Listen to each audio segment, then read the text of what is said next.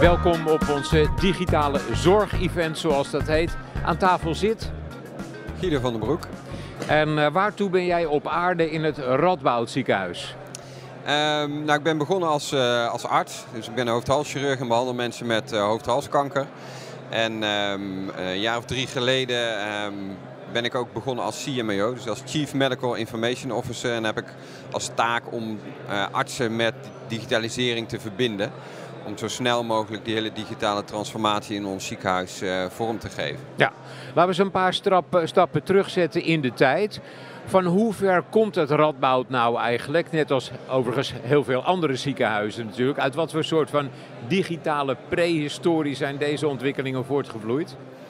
Nou, het belangrijkste daarbij is te noemen, denk ik, uh, en dan ga ik het niet gelijk over digitalisering hebben, maar over organisatie. Omdat eigenlijk blijkt dat in die hele digitale transformatie organisatie het belangrijkste is. En we komen uit een tijd waarbij specialismen eigenlijk hun uh, eigen koninkrijkje hadden. En dus ook hun eigen processen. En um, nou, in 2008 zijn we overgegaan van papier naar digitaal, waarbij uh, er een integraal dossier kwam. En toen werd eigenlijk pijnlijk zichtbaar dat, um, ja, dat alle afdelingen eigenlijk anders georganiseerd waren. Oh ja? En dat is iets wat ja, eigenlijk continu speelt en waar wij continu op inzetten om dat veel meer te uniformeren. Om die digitale transformatie ook echt mogelijk te maken. Je zegt het was pijnlijk en dat is een interessant woord binnen de muren van een ziekenhuis natuurlijk. Zeker. Daar moeten de dingen niet uh, pijnlijk zijn bij uitstek. Ja. Wat was er dan eigenlijk pijnlijk aan die constatering van die verschillende hokjes waarin iedereen zijn eigen ding zat te doen, digitaal of niet digitaal? Nou, het pijnlijke daaraan is dat um, uh, processen anders ingericht zitten. Dus bijvoorbeeld uh, een heel simpel iets, uh, er wordt een patiënt verwezen. Nou, dat wordt op de ene afdeling anders um, opgepakt dan op een andere afdeling. En als je systemen wil laten aansluiten en je wil systemen laten helpen om je werk makkelijker te maken of om data makkelijker inzichtelijk te maken, dan um, is één grote drempel is dat processen van hetzelfde onderwerp verschillend zijn georganiseerd binnen een instituut. Ja, ja. Want dan zul je dus al die, zal je de systemen um, op tien manieren moeten inrichten. Wat heel veel beheer kost, wat ja, onduidelijkheden geeft. Ja. En dat, dat is het lastige. En dan, ja, als je dat wil veranderen, zul je mensen moeten veranderen. Ja, dus eigenlijk had iedereen zijn eigen stekker en zijn eigen stekkerdoos. Exact. En dat paste niet op de stekkers en de stekkerdozen exact. van anderen. Exact. Om het heel exact. Uh, banaal ja. uit te drukken. Ja, daarnaast is... In 2008 kregen we een integraal uh, patiëntendossier, waarbij we in 2013 overgegaan zijn op een groter patiëntendossier, namelijk Epic. En daarin uh, uh, ja, hebben we denk ik wel geluk gehad. In die zin dat we eigenlijk dus al heel vroeg uh, overgegaan zijn op zo'n ja, groot elektronisch patiëntendossier. Ja, je zegt al heel vroeg. Bedoel je dat in vergelijking met andere ziekenhuizen? Of ja. in vergelijking waarmee eigenlijk? Ja, precies. In vergelijking met andere ziekenhuizen. Wij waren bijvoorbeeld het eerste Epic ziekenhuis wat live ging in Nederland. Om Hmm. een voorbeeld te noemen. Dus uh, het heeft ook nadelen uiteraard, want je, nou ja, die... ja, je gaat dan experimenteren voor anderen uit exact, natuurlijk. Exact. En hoe manifesteerde zich dat het ook nadelen had? Hoe merkte je dat aan hun lijven? Um, nou, om, om, een voorbeeld te noemen is dat het bij ons uh, twee jaar duurt voordat we een proces op orde hadden wat een ander ziekenhuis zo over kon nemen. Om ja, omdat, omdat jullie het hadden precies. uitgeprobeerd. Om, ja, exact. Was dat niet balen af en toe? Dat je eigenlijk ja. de, de, de, ja, de wet van de remmende voorsprong had? Ja. Nou, de, ja, innovatie is balen. En wij uh, ja, willen heel graag een innovatief ziekenhuis zijn. En daarin loop je aan eigenlijk altijd tegen dit soort ja, problemen aan. Dus tegen de remmende voorsprong, maar ook in wetgeving, vaak in financiën ook. Ja. Dus je verzint iets nieuws, het werkt fantastisch. Doe, maar ze, je doe eens krijgt, een voorbeeld. Um, um, nou, een voorbeeld bijvoorbeeld is dat we op een gegeven moment een endoscopietechniek hadden in, geïntroduceerd. Waardoor we een heleboel ingrepen niet meer op de uh, operatiekamer hoefden te doen, maar konden we eigenlijk gewoon op de poli doen. Wat heel veel ja. voordelen had, want de patiënt hoefde niet te wachten op de operatiekamer. Het was eigenlijk veel goedkoper, et cetera, et cetera. Maar er zat geen financieringsmodel onder. Hmm. Dus je kreeg het eigenlijk niet vergoed. Dus het was eigenlijk qua financiën handiger om het op de operatiekamer te doen. Ja. Nou, dat soort zaken, daar, daar lopen we geregeld uh, tegenaan. Ja. Dus jullie waren een voorloper met alle nadelen van dien, maar ook alle voordelen van dien. Eh, wat zijn die dan precies? Wat, wat is het, het grote ding waarvan je zegt, ja, dat hebben we op die manier toch maar voor elkaar gekregen? Nou, het voordeel van innovatie en van, van nieuwe dingen doen is dat je eigenlijk snel ehm, ook de vruchten plukt van de nieuwe dingen. En nieuwe dingen, als die geïmplementeerd worden, zijn ze vaak succesvol. Dus brengt het vaak een, ja, een, een positieve, uh, ja, een positieve kant mee.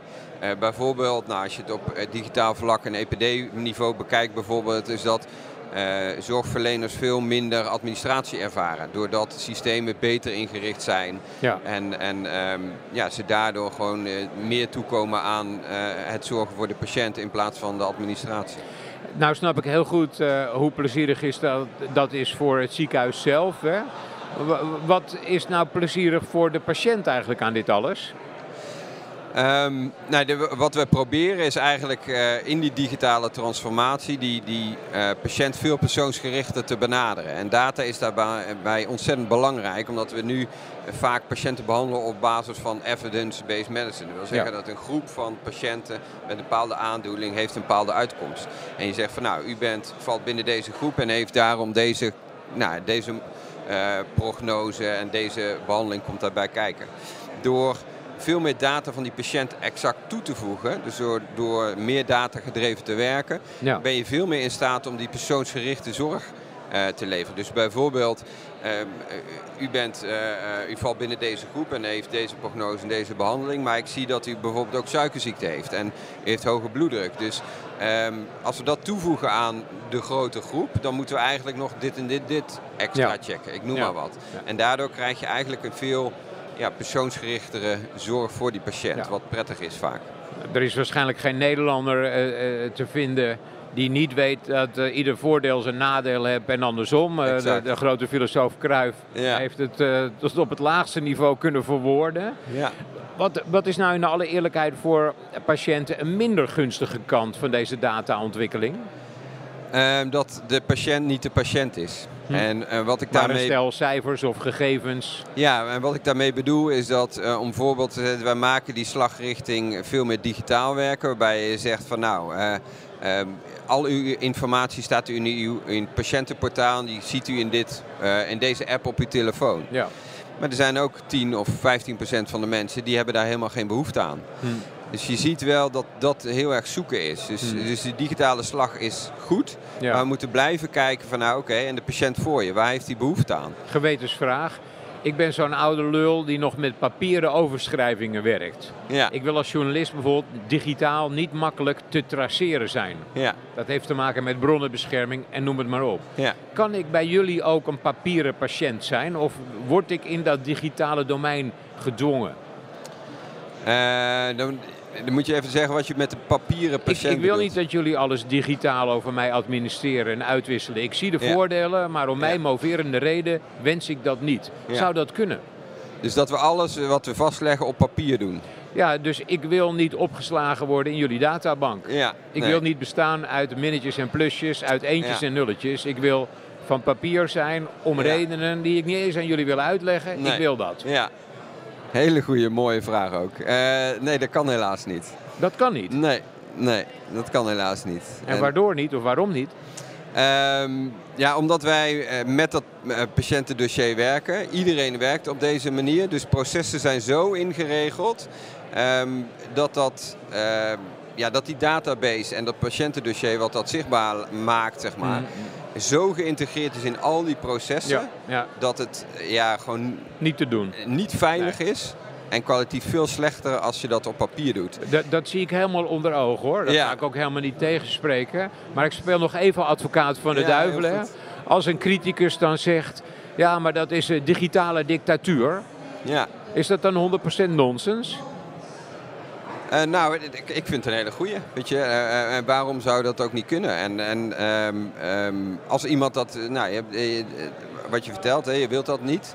Um, eigenlijk, ik vind eigenlijk dat je dan als ziekenhuis dat zou moeten faciliteren dat dat zo is. Hetzelfde maar is verdomd lastig natuurlijk. Het is heel lastig. is eigenlijk niet te organiseren. Dan, Daarom zeg ik dat het ook niet kan. Ja. Um, iets waar bijvoorbeeld wel kan is bijvoorbeeld alle informatie die je krijgt. Zeg nou, dat wil ik niet op mijn telefoon. Dat wil ik gewoon in een papieren versie.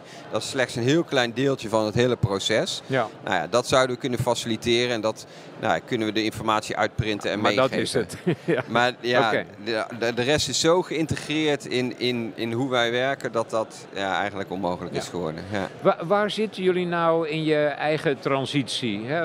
In welk stadium daarvan? Wat, wat heb je nou verworven? Waar ben je nu en waar wil je nog heen? Ja, Um, die hele digitale transformatie gaat eigenlijk door een aantal uh, stappen heen. Waarbij um, in het begin met name de verandering uh, essentieel is. Iedereen is gewend om met elkaar processen af te spreken en dan vervolgens niks meer te doen. Maar die processen zijn heel vaak um, verankerd in systemen. En die systemen worden nog veel te weinig betrokken in die, in die discussies over dat je een proces wil veranderen. Hm. En, en dat besef bij nou ja, de 14.000 mensen die bij ons in het ziekenhuis werken, um, dat is langzaam groeiende. En, en dat is. Um, dus ja, eigenlijk moeten die hoofden en harten, die moeten mee in die uh, hypermoderne ontwikkelingen. En daar is de een sneller aan toe dan de ander. Dus dat is eigenlijk een, een zaak van psychologie in feite. Hè? Ja, exact. Uh, ik plot wel eens in, in een uh, volwassenheidsmodel hoe ver afdelingen zijn. En dan, nou, onlangs heb ik ze geplot en gemiddeld gezien zitten we ongeveer op een derde. Dus dat wil zeggen dat... Een derde van wat? Nou, een derde van het hele volwassenheidsmodel waarbij je gaat naar waardegedreven zorg op basis van de data die je vastlegt.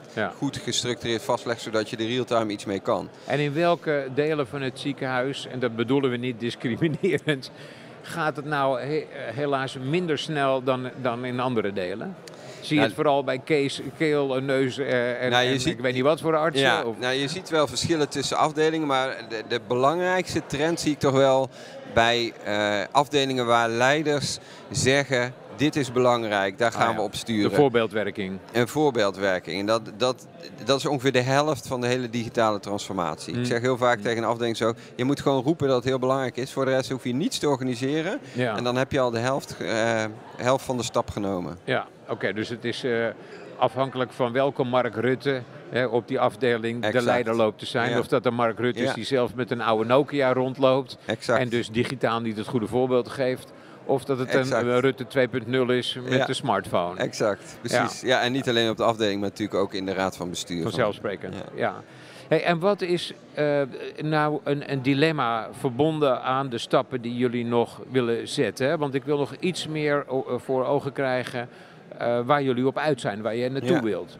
Nou, wat we op dit moment zien is dat heel sterk de bottleneck bij de zorgverleners zit. Als je digitaal wil werken en je wil eigenlijk alle data zo beschikbaar hebben dat je er ook iets mee kan, dan zal de zorgverlener moeten zeggen waar hij die datapunten exact wil vastleggen. En dat mhm. vraagt dus een iets gedetailleerder invulling dat we op dit moment doen. En wat bedoel je met zorgverlener? Want die zorg is heel groot. Ja, over wat voor ja dan heb ik het met name over de verpleegkundige en de, en de arts aan het bed en, en, en, in de spreekkamer. Ja. En um, zij moeten um, eigenlijk ja, die, die data um, discreet gaan vastleggen. Dat gaat niet van vandaag op morgen. Dat, Daar zit een proces onder. En, um, en tijd voor die zorgverleners op dit moment het grootste bottleneck. Ja, ja dus, dat komt natuurlijk ook door het personeelsprobleem. Absoluut. Ziektepercentage dat hoger is dan voor corona. Ja, absoluut. Dus de bottleneck zit met name op de, de energie uh, en met name de tijd van, uh, van zorgverleners. Ja. En uh, ja, dat is toch wel een groot punt. Daar moet ook in mijn ogen meer geld naartoe. Dus echt zorgverleners vrijmaken. En dan hoeft dat echt niet allemaal. Weet je, 5 of 10 procent van de zorgverleners die zich ja, dedicated daarop richten. Daarmee kom je al een heel eind, denk ik. Nou, uh, liggen we allemaal wel eens een keer uh, van woede te woelen in ons bedje. Dat je denkt, man, schiet eens op. Hè? Of hoe komt het nou dat dit of dat maar niet. Uh, of ik had die fout niet moeten maken. Uh, laten we er eens twee of drie in die categorie doen. Wat is het moment waarop je dacht, uh, oeps, nou maak ik zelf even een foutje, bedankt. Ik, ik, ik, ik heb ook te leren op dit gebied. Ja. Nou, een, een bekend iets is waar ik inmiddels gelukkig niet meer intrap, maar waar ik wel in het verleden vaak ingetrapt ben, is dat zorgverleners heel graag een database beschikbaar hebben om een kwaliteit te meten. Om vanuit daar weer processen te veranderen, et cetera, et cetera. En wat het in het verleden vaak hoorde is van, kan je mij mijn database geven? Maar inmiddels ben ik erachter, als je niet met elkaar afgesproken hebt waar je dat exact vastlegt in het zorgproces, dan kan je gaan zoeken in die database. Maar vind je die specifieke database voor die specifieke arts, ga je nooit vinden. Dat is een enorme reis te Breiberg. Precies, dus het begint uiteindelijk bij degene die de vraag stelt. Van oké, welke data heb je dan nodig en waar leg je dat zo vast dat het ook traceerbaar is in die database? Dat heb je geleerd, dat, dat moet ik niet meer doen. dat moet ik niet meer doen. Ja. En waar, en waar uh, ben je boos over? Dat je af en toe denkt, ja jongens, toe nou, ik heb het honderd keer uitgelegd. Ja. Waar, waar zit je ergernis? Nou, wat ik nu wat ik eerder al zei, hè, dat, dat um, uh, digitale transformatie gaat over de combinatie van mens, proces en systeem. Ja. En wanneer mensen over processen gaan praten en ze betrekken daar het systeem niet bij, dus ze gaan niet bedenken van oké, dit is wat wij willen veranderen en dat gaan we zo in het systeem inbedden en de mensen moeten dan dit en dit doen. Um, ja, als dat niet gebeurt, en, ja. en ik kan dat vertalen naar als er geen ICT'er aan tafel zit bij die discussie over die procesverandering, dan gaat het niet werken. En dat, dat is iets wat we al een tijd roepen, maar wat nog uh, ja. ja. heel vaak uh, beter kan. Uh, ik onthoud mens, proces en systeem.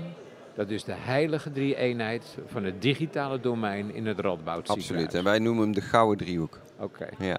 Nou, zolang het maar geen Bermuda-driehoek Bermuda wordt. Veel succes. Ja, dankjewel. Ja,